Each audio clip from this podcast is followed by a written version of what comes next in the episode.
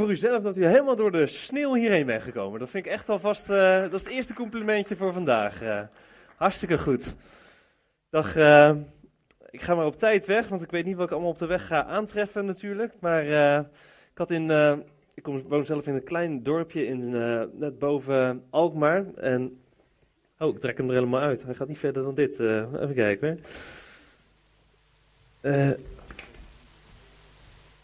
volgens mij... Gaat hij er nou in of... Uh, ja. Hartstikke idee. Ja, volgens mij zijn we er. Uh, ja. Net op tijd. maar uh, ja, in ons eigen kleine dorpje Zuidsgewoude, klein dorpje net boven Alkmaar, uh, waren alle wegen nog vol sneeuw. En de eerste beste bocht die ik had, gleed ik heerlijk rechtdoor.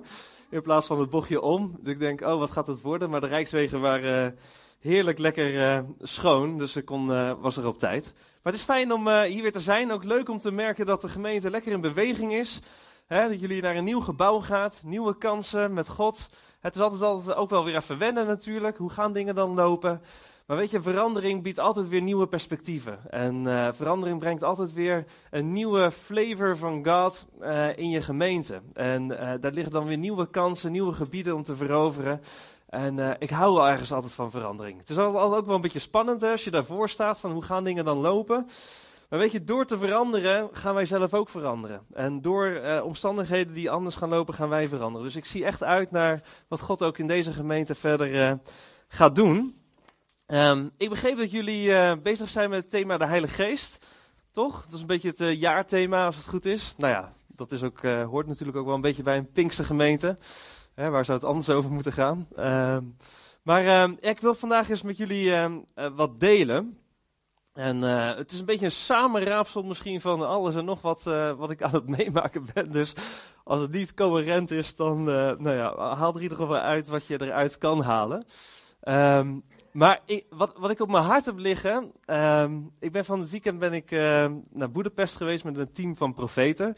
Ik wil wat meer groeien in het profetische, dus ik beschouw mezelf helemaal geen profeet.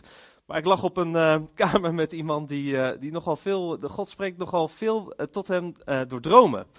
En ik zei, nou ja, bij mij gebeurt het maar heel sporadisch eigenlijk dat God door dromen heen spreekt.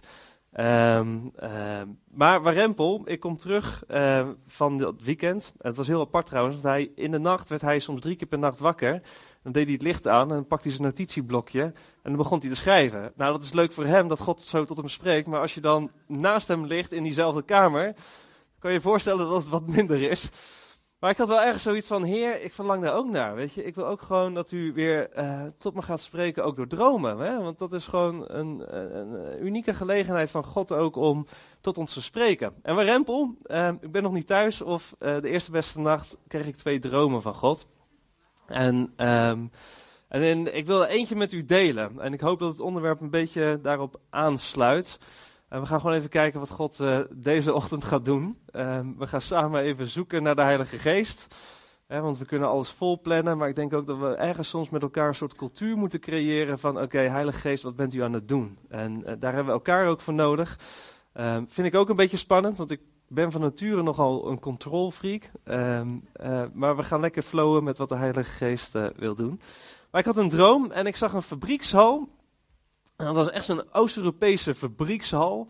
En uh, er waren allemaal sloten omheen, alle deuren zaten op slot. Maar op een of andere manier waren we naar binnen gebroken. En ik kwam naar binnen en ik zag allemaal rijen met stoelen. Of met stoelen, met schoenen. Allemaal schoenen omhoog, echt een hele rijen vol schoenen. En ik zweefde als het ware door, die, door al die schoenen. Het waren allemaal verschillende schoenen. Waren sportschoenen, waren schoenen, babyschoenen. Maar allemaal lege schoenen. Maar wel allemaal nieuw. En ik merkte ergens dat, ik werd er ergens toen ik dat zag, werd ik heel erg verdrietig. Want ik wist, dit gaat over de bestemmingen van mensen.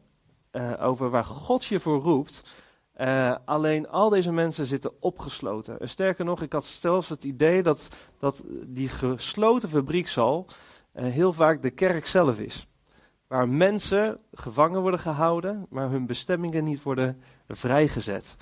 En God heeft voor jullie allemaal een unieke bestemming. En, en ik denk dat de grootste opdracht van de gemeente van Jezus Christus is niet zoveel mogelijk mensen in de kerk krijgen. Ja, dat is prachtig. maar wel tot doel dat de bestemmingen die in je leven ligt, toen God jou maakte, toen Hij jou schiep ehm, eh, en, en, en een beeld bij jou had. Uh, en dacht van, dit is mijn kind, ik wil graag dat ze, weet ik veel, de beste sporter wordt in de wereld. Of ik wil dat iemand een kinderboek gaat schrijven. Of iemand die een klusbedrijf gaat oprichten. Die passies, wat, wat, wat God in het diepste van je DNA heeft gemaakt. Dat dat wordt vrijgezet. Ik denk dat de kerk een plek moet zijn waarin wat God in dat DNA heeft gelegd bij jou, um, dat dat vrij wordt gezet. Zodat je gaat, gaat schitteren voor God. De wereld heeft het niet nodig dat we een of andere eenheidsworst zijn. De wereld heeft juist die verscheidenheid en die veelkleurigheid van God nodig. Nou, daar wil ik het dus vandaag uh, bij jullie over hebben. Um, we zitten een beetje op, uh, op uh, nou, een maand naar oude, oud en nieuw. Hè? En dan heb je allemaal van die goede voornemens. En een van onze voornemens is om te gaan hardlopen. Nou, tot nu toe hebben we dat meer in ons hoofd gedaan dan daadwerkelijk. Maar voorheen heb ik dat wel eens gedaan samen met mijn vrouw. En uh, wat we zelf altijd prettig vonden was dan om een, een mp3-spelletje te luisteren naar muziek. Nou, als zuinige Hollanders hadden we een heel goedkoop um, mp3-spelletje gekocht. Alleen daar was een klein probleem bij. Namelijk dat het niet het vermogen had als je het uitzette om dan te onthouden waar je gebleven was met de muziek. Dus telkens, als je weer ging rennen, startte het eerste nummer weer op. Nou, dat is heel leuk als je dan uh, voor het eerst hoort. We all live in the yellow submarine. The yellow. Nou, dat is voor het eerst is dat prachtig. Maar als je het voor de tweede keer hoort, dan denk je: oké, nou ja, leuk. Maar voor de derde keer werd het een beetje irritant. Weet u, in ieder van u zit ergens ook een MP3-speler die continu afgaat. En die MP3-speler, daar worden ook liedjes op gezongen, melodieën op gezongen. En uh, onderzoek heeft uitgewezen dat als je als kind, als je acht jaar bent, dat er al heel veel basisaannames van jouw mens zijn, hoe je naar de wereld kijkt, wie jij bent, wat je maakt, wat je angstig vindt, wat je leuk vindt. Um, wordt daar al een melodie geschreven vanaf je acht, hè, dat je acht jaar bent. En vanaf die tijd hebben er allerlei mensen, jijzelf, maar ook mensen van buitenaf, hebben meegeschreven aan een melodie op dat mp3-spelletje. En weet je wat er nou aan de hand is? Is dat vaak die woorden en die melodieën die daar op gespeeld worden, helemaal niet bemoedigend zijn, helemaal niet vrijzettend zijn om jouw bestemming vrij te zetten waar God jou voor heeft geroepen. Heel vaak klinken daar melodietjes op die zeggen: Ik kan het niet. En ik durf het niet. En wie ben jij nou dat jij je hoofd boven het mijnveld durft uit te steken? Dromen over het schrijven van een kinderboek? Joh, moet je helemaal niet doen, joh. Stel nou dat het helemaal mislukt. Dromen over het starten van een eigen onderneming? Moet je niet doen, joh. Wie denk je nou dat je, dat je wel niet bent? En weet je, ik denk dat we in de kerk juist geroepen zijn om mensen te helpen um, daarop in te zoomen. Op dat melodietje wat van binnen bij jou afgaat. De kerk is geroepen om mensen stabiel in hun identiteit te maken, krachtig in hun identiteit, dat ze weten wie ze zijn in Christus, stabiel in hun emoties en dat ze de droom die God op hun leven heeft gelegd gaan najagen. Weet je, mijn verlangen is, in Alkmaar in ieder geval, is niet dat we heel veel mensen alleen maar in de kerk krijgen, maar dat we echt mensen gaan krijgen die helder worden en, het avontuur met God durven aan te gaan stabiele, emotionele mensen die weten wie ze zijn in Christus. Weet je, het valt me zo op dat er zoveel mensen die zijn emotionele kano's. En wat houdt het in? Dat houdt in dat als je toevallig eens een keer een grapje maakt wat, ja, wat bijvoorbeeld even net niet uh, leuk was of even iets bij hun raakt, dan is net een kano. Weet je, dan je stapt erop en ze maken gelijk slagzij. Weet je, in plaats van een slagschip. Als je die op zijn stenen trapt, weet je, dan blijft die boot blijft gewoon rustig liggen. En ik verlang naar mensen die stabiel zijn, die sterk zijn, die weten wie ze zijn in Christus. Alleen het allerbelangrijkste is dus de vraag van hoe komen we nou in dat melodietje wat van binnen in uw leven zich afspeelt? Want onderzoek heeft uitgewezen dat ik ongeveer gemiddeld met 300 woorden per minuut tot u spreek. Um, alleen het melodietje wat in uw interne grammofoonplaatje of mp3-spelletje afgaat, gaat 1200 woorden per minuut. Dus u kunt de rekensom al maken. Als ik 300 woorden per minuut tot u spreek, als u preekjes hoort iedere zondag 300 woorden per minuut van hè, je bent een kind van God, er in jou is geen veroordeling meer. Hè, je mag de droom met God najagen. Maar er gaat interne MP3-speler af die zegt 1200 woorden per minuut. Ja, maar ik ben helemaal niks, ik kan niks. En dat kunnen woorden zijn die je zelf hebt aangeleerd. Dat kunnen woorden zijn die vanuit je jeugd in je leven zijn ingesproken. Dat kunnen woorden zijn die demonen je influisteren. Maar als dat cassettebandje maar afgaat, 1200 woorden per minuut, dan kunnen we iedere zondag praten als een brugman. Maar dan gaat er niet zo heel veel veranderen. Dan kunnen we heel blij opgewekt naar huis gaan, maar zodra dan het eerste moment komt om uit te stappen, klik, dan gaat dat mp3-spelletje weer spelen. En wat voor melodietje gaat er dan af? En een hele grote uitdaging is dus, Heer, hoe komen we nou in die mp3-speler? Hoe komen we nou bij mensen daar naar binnen, zodat er een andere melodie gaat spelen? En ik denk dat daar het spreken van de Heilige Geest essentieel in is. Cruciaal in is. Want wanneer de Heilige Geest gaat spreken, dan kan die zo, boem, recht in je hart spreken. En dan kan die de melodie wat van binnen in je leven afgaat, totaal veranderen. Want die woorden van God, en daar gaat het eigenlijk over, woorden van God. Wil het niet alleen maar profetische woorden noemen, maar gewoon het spreken van God tot jou, het communiceren van God tot jou, dat bevat leven. Die woorden zelf bevatten leven om die interne harde schijf bij jou te veranderen. En wie heeft er hier wel eens profetische woorden over zijn leven gesproken gekregen? Ja. Nou, ik wil vandaag, uh, geweldig trouwens, um, maar ik wil vandaag jullie ook daar iets in leren. Want ik denk dat profetische woorden heel vaak um, met heel veel plezier worden ontvangen. En we ervaren, daar zit heel veel leven in. Um, maar ik denk dat de Bijbel ons ook leert dat we die woorden niet altijd op de boekenkast moeten leggen. Of heel fijn in een schriftje moeten schrijven om dan vervolgens daar nooit meer in te kijken. Er is een element in het spreken van God waarin God van ons vraagt, van jou vraagt, om er iets mee te gaan doen.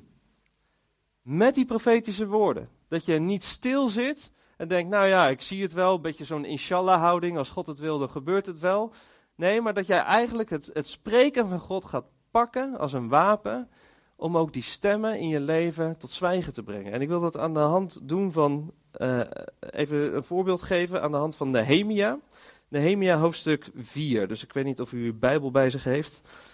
Ben nog niet helemaal van de tijd van multimedia met uh, beamers en zo en uh, presentaties. Maar Nehemia hoofdstuk 4.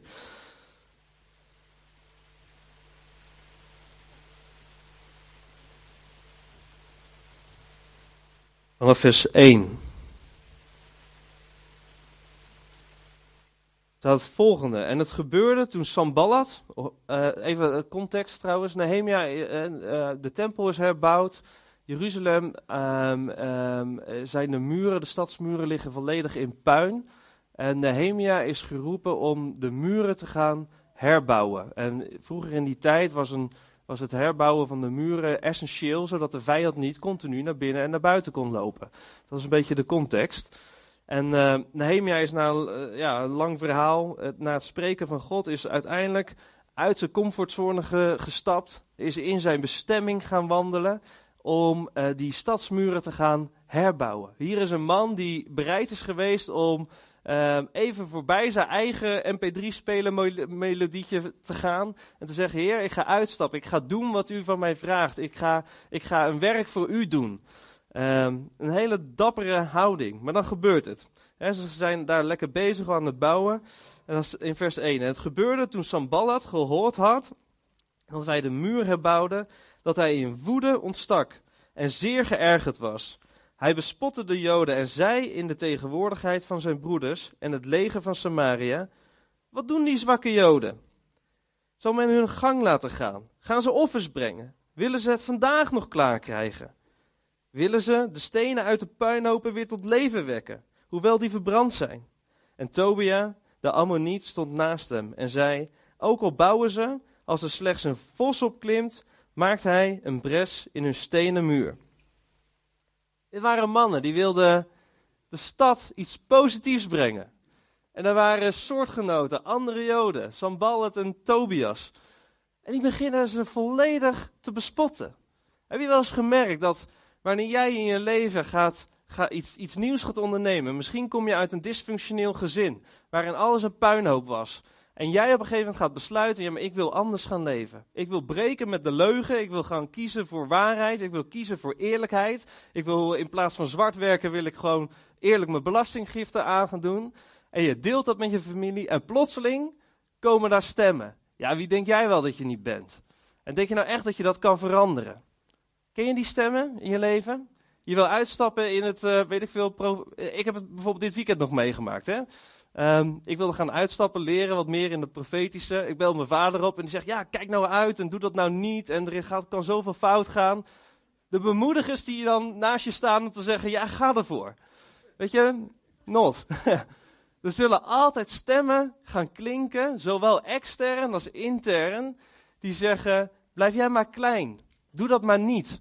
Weet je, wanneer, ik heb altijd zoiets van, als, als dit het vierkantje is waarop je kan, leeft op dit moment. En je krijgt op een gegeven moment het verlangen van, ja maar wacht eens even, Gods speelveld is veel groter. Ik wil ook hier kunnen spelen. Ik wil ook daar kunnen spelen. Dan zijn er altijd machten en krachten die zeggen, nee blijf jij nou maar in dat kleine vierkantje. Blijf nou maar zo, doe maar normaal, dan doe je al gek genoeg. Toch? Echt een Nederlandse cultuur. Maar ook iets wat, wat het demonische rijk van Satan continu maar wil doen. David, een man van God. Op een gegeven moment is het hele leger is bang voor de Filistijnen. Drie broers van hem, drie oudste broers dienen in dat leger. En op een gegeven moment, die zijn allemaal geïntimideerd door Goliath. En dan komt David en die spreekt daar zo en hij zegt, wie is die onbesneden Filistijn? Hij brengt die grote reus weer helemaal terug naar de juiste proporties. En je denkt, wauw David, fantastisch. Dat doe je goed. En dan komt zijn broer even langs. Die gaat hem even bemoedigen. Die zegt, wat doe jij hier nou? Moest je niet uh, daar zo bij die uh, schapen zijn? Wat een overmoed. Ik ken de slechtheid van jouw hart. Dan denk je, die oudere broer die hem had moeten bemoedigen, die had moeten zeggen, wauw David, fantastisch, je, je spreekt weer moed in. Die had er een handje van om zijn kleine broertje weer even, hup, even klein te houden. Weet je, dit gebeurt zo vaak. En ik weet zeker dat er hier mensen zijn. Je hebt dromen gehad. Je hebt verlangens gehad. En, um, en ik bedoel niet van die grootheid, waanzinnige dromen, maar echt door God geïnspireerde verlangens die op je hart zijn gelegd. Waarvan je denkt, als, als niks in de wereld zou gelden, zou dit mijn passie zijn. En weet je, je hebt het laten sneuvelen omdat er stemmen in je leven zijn geweest die je hebben geïntimideerd. Externe stemmen, maar ook interne cassettebandjes, melodieën, die misschien al vanaf je achtste spelen in je leven. En de vraag is, wat doe je daarmee? Blijf je dan in je kleine hokje? Of vraagt God van jou ook een verantwoordelijkheid? En ik denk dat God van jou ook een verantwoordelijkheid vraagt. En um, het Oude Testament, daar staan heel veel verhalen in die voor ons als voorbeeld gelden. En ik wil even verder gaan in hoofdstuk 4 van uh, Nehemia en dan vanaf vers 16. Hoofdstuk 4, want hè, dat volk had te maken met al die stemmen, Tobias en uh, die andere knakker, Sambalat. En dan vanaf vers 16 staat het volgende. Vanaf die dag was het zo dat de ene helft van mijn knechten met het werk meedeed en de andere helft van hen de speren, de schilden, de bogen en de harnassen vasthield. Terwijl de vorsten opgesteld stonden achter heel het huis van Juda. Zij die aan de muur bouwden, zij die de lasten droegen en zij die opladen, deden met één hand het, hand het werk en met de andere hand hield de werpspies vast. De bouwers hadden elk zijn zwaard aan zijn heup gegord, zodat zij aan het bouwen waren, maar de bezuinbazer bleef bij mij. De bouwers zeiden: We laten ons niet intimideren door deze stemmen. We gaan bouwen. Met één hand gingen ze bouwen, maar met de andere hand hadden ze een wapen in de strijd bij zich. Dat als die mannen hun zouden aanvallen, als die stemmen zouden komen, dat ze dan ook konden strijd voeren met het zwaard en niet alleen maar uh, de handdoek in de ring zouden gooien. Nou, oud-testamentische verhalen, daar lees je heel veel over strijd, mensen, zwaarden, echte zwaarden, er werd echt gesneuveld. Nou, in het Nieuwe Testament leren we, onze strijd is nooit tegen mensen. En ons zwaard is niet een letterlijk zwaard. We zijn geen uh, islamitische jihadisten die letterlijk het zwaard hanteren. Maar het Nieuwe Testament zegt wel in Efeze 6, vers 12 het volgende. Want wij hebben niet de strijd tegen vlees en bloed, maar tegen de overheden, tegen de machten, tegen de wereldbeheersers van de duisternis van dit tijdperk. Tegen de geestelijke machten van het kwaad in de hemelse gewesten. Neem daarom de hele wapenrusting van God aan opdat u weerstand kunt bieden op de dag van het kwaad. En na alles gedaan te hebben, stand kunt houden. Neem de helm van de zaligheid en het zwaard van de geest, dat is Gods woord. Gods woord is het zwaard van de geest. God spreken tot jou is een zwaard in jouw hand. Gods profetische woorden die gesproken zijn over jouw leven, mag als een zwaard in jouw hand functioneren. Wanneer die stemmen komen, is het niet de bedoeling dat je die profetie op de bank legt, maar is het de bedoeling dat je die woorden van God pakt over die hele unieke situatie waarin jij mee bezig bent en zegt, dit is mijn zwaard. En die stemmen die moeten zwijgen omdat God dit heeft gesproken. Ik kom uit een, uit een gezin waar mijn, uh, het huwelijk van mijn ouders niet goed was. Er was veel ruzie. Nou, dan is er op een gegeven moment een cassettebandje in mijn leven ontstaan oh, wellicht dat het in mijn leven ook niet goed zal gaan. Mijn huwelijk. Toen wij trouwden hebben we echt een, een psalm gekregen, psalm 91, vers 13 tot en met 16. De rechtvaardigen groeien op als een palm, als de zeden van de Libanon reizen zij omhoog. Ze staan geplant in het huis van onze God. En ze zijn uh, krachtig en fris in de dagen van hun ouderdom en uh, dragen dan nog vrucht. Zo getuigen zij dat de Heere recht doet.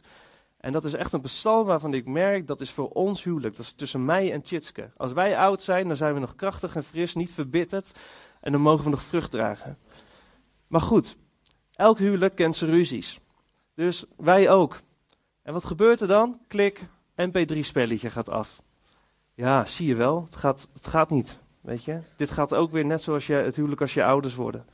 Uh, jij dacht dat je voor goud ging in je huwelijk. Nou, dat wordt brons hoor. Weet je, het wordt niet die schitterende huwelijk. En weet je, dan kan je daar bij de pakken neer blijven zitten en denken, nou, ik heb ooit eens een keer een tekst gehad, die ligt ergens. Nee, dan moet je zo'n tekst pakken en zeggen, nee, mijn leven met Tjitske, mijn huwelijk met Tjitske, wij zullen, ook al zijn we verschillend, de een is een palm en de ander is een ceder, maar wij zullen mensen gaan worden die gaan groeien in de tegenwoordigheid van God. Wij zullen mensen gaan worden die, ook al is het nu allemaal imperfect, maar we gaan groeien naar meer perfectie omdat we onze God kennen. En je laat die stemmen zwijgen. En, en, en op die manier um, ga je merken dat je gaat groeien. Op die manier ga je merken dat, dat je veel meer in je identiteit gaat wandelen. Want Hebreeën 4 vers 12 zegt, want het woord van God is levend en krachtig en scherper dan enig tweesnijdend zwaard. En het dringt door tot op de scheiding van ziel en geest, van gewrichten en merg. En het oordeelt de overleggingen en gedachten van het hart. Weet je, Gods woorden hebben het vermogen om, om, om echt dwars door die muren heen te bouwen, dwars door die barrières in jouw leven heen te bouwen. En je te raken in de kern van je bestaan. En daarom is het zo goed om, om ook als gemeente ja, de Heilige Geest welkom te heten. Om, om, om, om samen te ontdekken, Heer, wat zegt u tot ons? Um, en je zult dus moeten leren om het zwaard te hanteren. Um, er is een soort verkeerde theologie in mijn beleving soms ten aanzien van zalving. Kent, kennen mensen het woord zalving? Ja, ik weet niet welk beeld u daarbij heeft. Um, maar ik merk dat er soms een soort gedachte is in de kerken. Nou, als, als, je, als je de zalving hebt, hè, dan gaat het automatisch. Dan gaat het echt. Weet je, dan gaan de deuren voor je open en dan, dan gebeurt er iets. En dan gaat het allemaal vanzelf. Ik, ik kom er echt in, in opstand tegen. Ik, ik geloof namelijk niet dat dat zo is. Ik geloof namelijk dat, en wat ik merk ook in mijn eigen leven, is dat Er is altijd strijd verbonden aan het wandelen in je bestemming. Om te komen in je bestemming zal er altijd strijd zijn met die stemmen waar, je, ehm, ja, waar we het net over hebben gehad. Externe stemmen en interne stemmen. Toen ik ehm, mensen bijvoorbeeld bij ons, bij ons in de kerk zeggen, ja Piet, jij spreekt zo makkelijk en je doet het zo makkelijk af. Dan zeg ik, ja, maar heb je nou mij wel eens de vraag gesteld wat het mij heeft gekost? Uh, nee, uh, hoezo? Ik zeg, nou, toen ik tot de Heer kwam, merkte ik direct een verlangen dat mijn passie is om, om, het, om, om te spreken met mensen. En in mijn studentenkamer had ik soms al, had ik al uh, in mijn gedachten, deed ik mijn ogen dicht. En dan zag ik me men, spreken tot mensen. En had ik echt een verlangen van, ik wil dat het hart van mensen wordt geraakt voor een passie voor Jezus. Weet je, en dan, en dan had ik een hele preek en een boodschap en dan deed ik mijn ogen open. En dan zat mijn goudvis me aan te kijken en zei, wat ben jij nou weer vreemd aan het doen? En weet je, dat is iets wat je al in je geest hebt, dat is dat verlangen wat je hebt. En er zijn hier ook deze ochtend mensen met verlangens.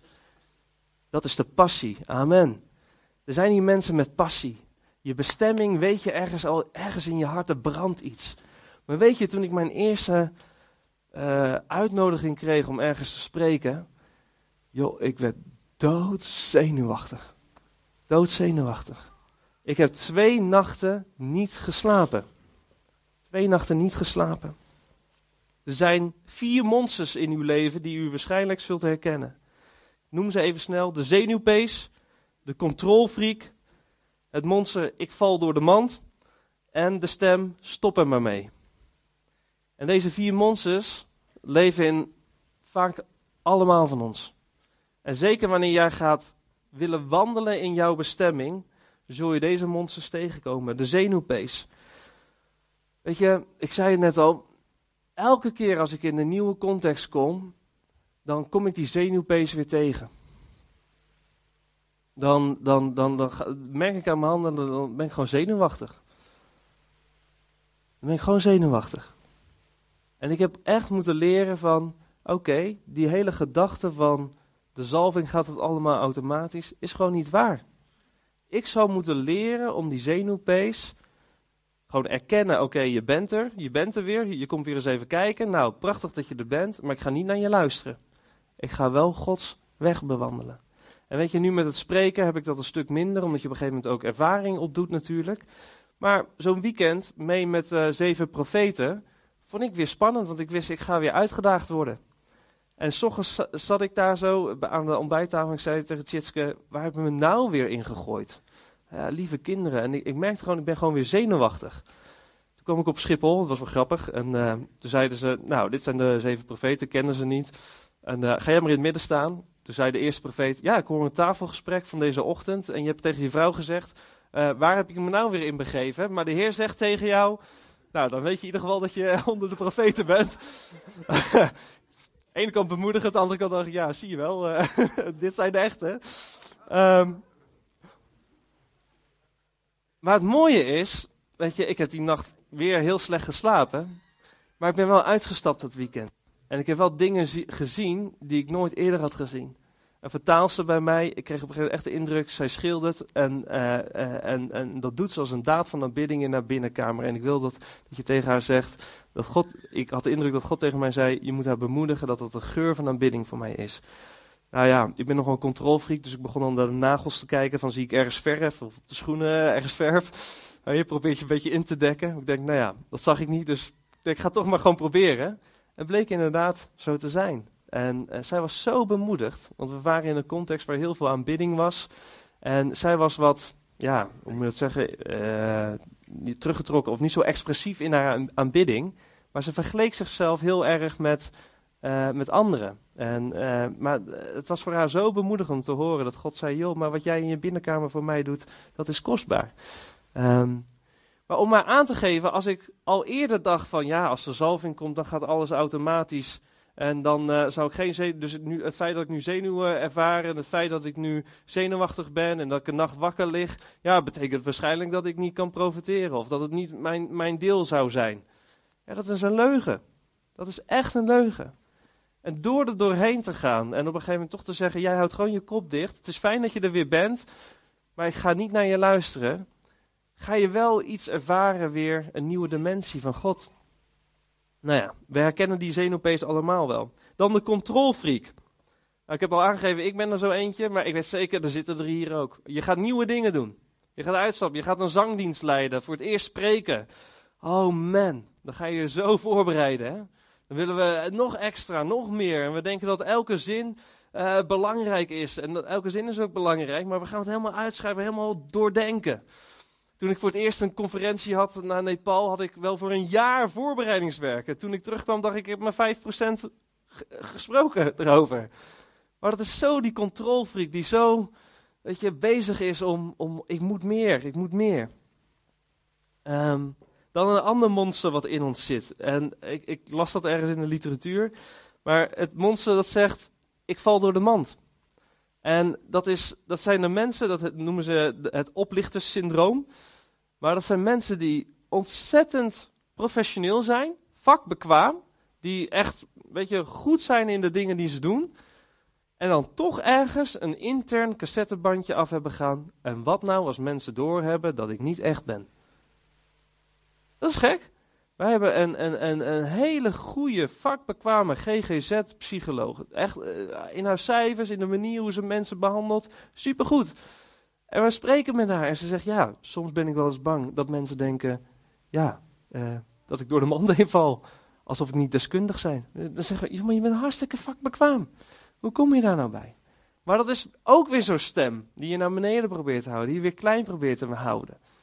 En je zal deze stemmen moeten leren overwinnen.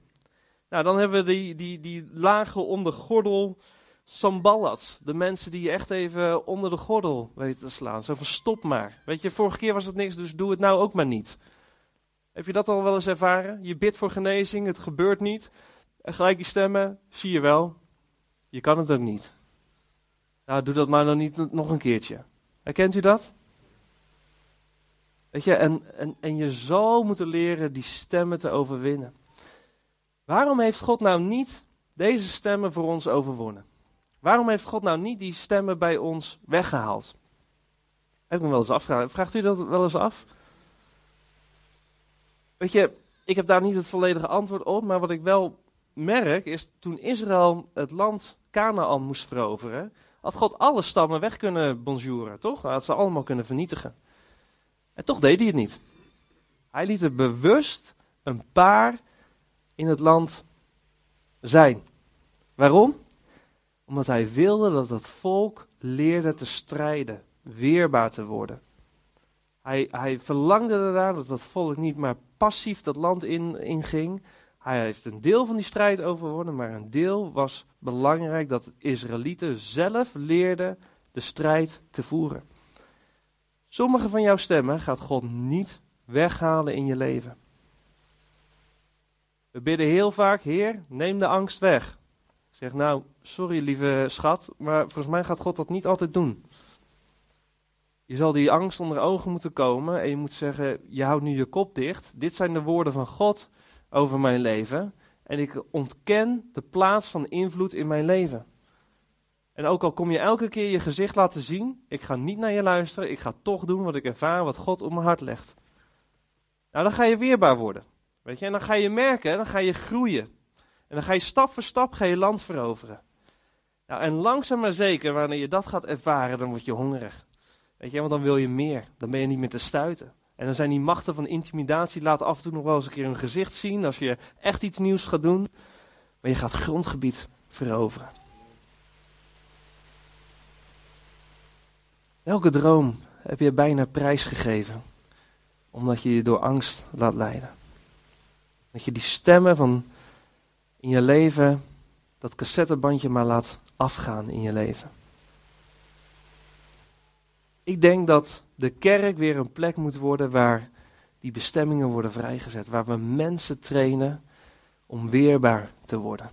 Weerbaar voor de strijd. En je zal daarvoor het spreken van God in je leven echt nodig hebben die woorden van God. Wat zegt God tot jou?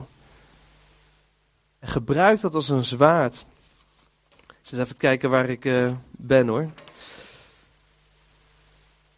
Hoe ver zit ik in mijn tijd? Zit wel een beetje bij de half uur? Uh, ongeveer, ja. Hè? We een beetje landen. Ik had hier nog opgeschreven. Spreek niet alleen met God over je probleem, maar spreek ook tegen je probleem over God. Uh, David ging niet tot God bidden. Oh Heer, ik zie een hele grote enge reus voor me, help. Heer, wilt u de reus weghalen alsjeblieft? Nee, hij zei tegen die reus, vandaag hak ik jouw kop eraf en je bent voer voor de vogels, omdat dit de strijd van de Heer is. Hij begon tegen Goliath te spreken. Ik denk dat je zal moeten leren om tegen je stemmen te spreken met het woord van God. Om weerbaar te worden, om krachtig te worden. Um, ja, ik zit even te denken hoe we gaan landen. Is dit sowieso een beetje herkenbaar voor mensen? Oké. Weet je, laten we eens gaan staan. We gaan even een paar dingen, denk ik, uh, doen. Hebben jullie ook een gebedsteam? Uh, Oké.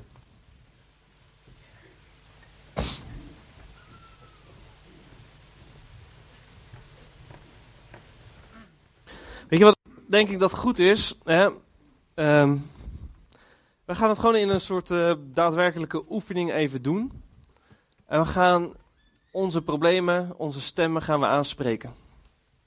We gaan eerst eens even zeggen tegen God, sorry dat we naar andere stemmen hebben geluisterd dan uw stem. Ik denk dat het gewoon goed is om ons ook soms te bekeren. mensenvrees spant de strik, zegt, zegt Gods woord. En hoe vaak laten we ons niet leiden door de vrees van mensen? En dan is het ook gewoon goed dat we tegen God zeggen sorry. Weet je, niet uit een heel schuldgevoel. Papa God houdt van jou heel veel. Hij wil niets liever dan dat jij in je bestemming gaat komen. Dat je gaat schitteren voor hem. Maar het is wel soms even goed om tegen papa God sorry te zeggen. Ja? Zullen dat gewoon eens even in je, in je hart... Eh, zeg dat, nee, zeg het gewoon maar hardop. Dat is goed. Vader, spreek, verhef je stem maar. En zeg maar gewoon even, vader, sorry heer dat ik soms zo naar die andere stemmen luister. Heer, ik wil leren te luisteren naar uw stem. Uw stem belangrijker te vinden dan mijn eigen uh, stem of Heer, de stemmen van andere mensen. Vader, ik wil uw wil doen. Heer, ik wil, ik wil een kind zijn wat, wat het hoogste verlangen heeft om uw stem te volgen. Halleluja. Dank u wel, Heer. Dank u wel. Oké, wat we nu gaan doen is, we gaan tot die stemmen spreken. En voor iedereen zal dit anders zijn. Voor de ene is de stem een stem van zelfverwerping. Voor de ander is het een stem van mensenvrees. Voor de ander is het een stem van wat je ouders misschien vroeger hebben gezegd tegen jou. Maar ik wil graag dat je tot die stem gaat spreken. En, en, en eigenlijk zijn plaats van invloed in je leven gaat breken. En um, en, dit is echt gewoon een stukje geestelijk. Doe dit niet gewoon maar omdat ik een riedeltje zeg. Maar dit, dit is een geestelijke actie. Spreek tot je problemen en zeg: Ik breek jouw invloed over mijn leven op dit moment. Ik ga niet meer naar je luisteren. Spreek tot je probleem. En breek zijn macht over jouw leven. Zullen we dat gaan doen? Oké, gewoon hardop. Ik breek de invloed van mensenvrees over mijn leven. Ik breek de invloed van intimidatie over mijn leven. Ja, je hoeft niet mijn woorden, hè? Jouw eigen problemen moet je, moet je aanspreken. Oké, lieve mensen, we gaan het even anders doen. Want ik, u, u praat alsof u tegen uw hondje praat. Maar u praat tegen uw vijand, hè? Als een hondje, Herman Boon zegt altijd, als een hondje tegen je been aan staat te plassen, dan zeg je niet, ah, uh, stout hondje, ga nou even alsjeblieft weg. En dan zeg je, rot op hond, wegwezen. Je geeft hem een trap. Ja? Dus we gaan even, even iets meer, uh, u moet even iets meer die strijdhouding tegen uw probleem. Het is niet je vriend, het is je vijand. Dus je gaat die, die invloed van die vijand in je leven, ga je breken. Ja? Toen op een gegeven moment, uh, ik weet niet meer, dat verhaal van, uh, volgens mij is dat Agan, die koning, die met, met, met pijlen moest slaan. En hij slaat maar drie keer lafjes op de grond met een paar pijlen. En dan is het volgens mij Elia of Elisa die zegt: Joh, als jij meer had geslagen, dan was die vijand vernietigd over je leven. Je zou moeten leren opstaan, mensen. Je probleem is niet je vriend, het is je vijand. Maar God vraagt van jou: breek zijn nek. Breek het. Breek het. Ja, u staat me aan te kijken alsof ik. Alsof ik. alsof, ik heb u ontzettend lief. Maar ik wil dat u in de vrijheid komt. Ik wil dat je je passie gaat najagen. Breek die stemmen in je leven. Nou, kom op. We gaan het even hardop doen. Ik breek die macht. Doe het maar gewoon. Ik breek die macht. Ik breek die macht van intimidatie over mijn leven. Ik breek die macht van mensenvrees over mijn leven. Vader, ik wil u volgen. Jezus, dank u wel, Heer, voor wie u bent, Heer. Heer, al die stemmen die moeten zwijgen in mijn leven. Ik breek de macht van angst over mijn leven. Jezus, Jezus, Jezus, dank u wel, Heer. Dank u wel. Dank u wel. Jezus. Nou, u mag nog eens een beetje thuis gaan oefenen hiermee. Maar weet je, dit heeft, dit heeft echt geestelijke invloed in de geestelijke wereld. Wanneer jij tot je problemen gaat spreken, wanneer jij gaat opstaan in je binnenste, dan gaat er wat gebeuren, lieve mensen. Echt waar. Dan gaat er wat gebeuren. Oké. Hartstikke goed. Jullie doen het goed. Jezus. Jezus. Jezus. Ja, toen ik uh, hierheen reed, ik ben ook een beetje aan het oefenen met woorden van kennis. Um, had ik uh, uh, drie dingen. En het is voor mij ook een beetje uitstappen. Maar is hier iemand die het verlangen heeft om kinderboeken te schrijven? Kinderboeken. Passie voor kinderboeken. Kan je even naar voren komen, Kalle? Um, ik had ook een, een, een beeld. Uh, iemand die uh, schildert en het verlangen heeft om iets met expositie te doen. Misschien doe je het al. Um, uh, of misschien dat het een verlangen voor je is. Zie je iemand die schildert? Ja? Oké. Kom je ook even naar voren? Nee, je hoeft, het kan ook een verlangen zijn. Hè? Kan een verborgen passies in je, in je leven zijn. Oh, dat is het boek al. Je hebt het al geschreven? Oké, okay. oh geweldig, fantastisch. ja, en is dit echt voor de christelijke wereld of uh, is dit voor de niet-christelijke wereld?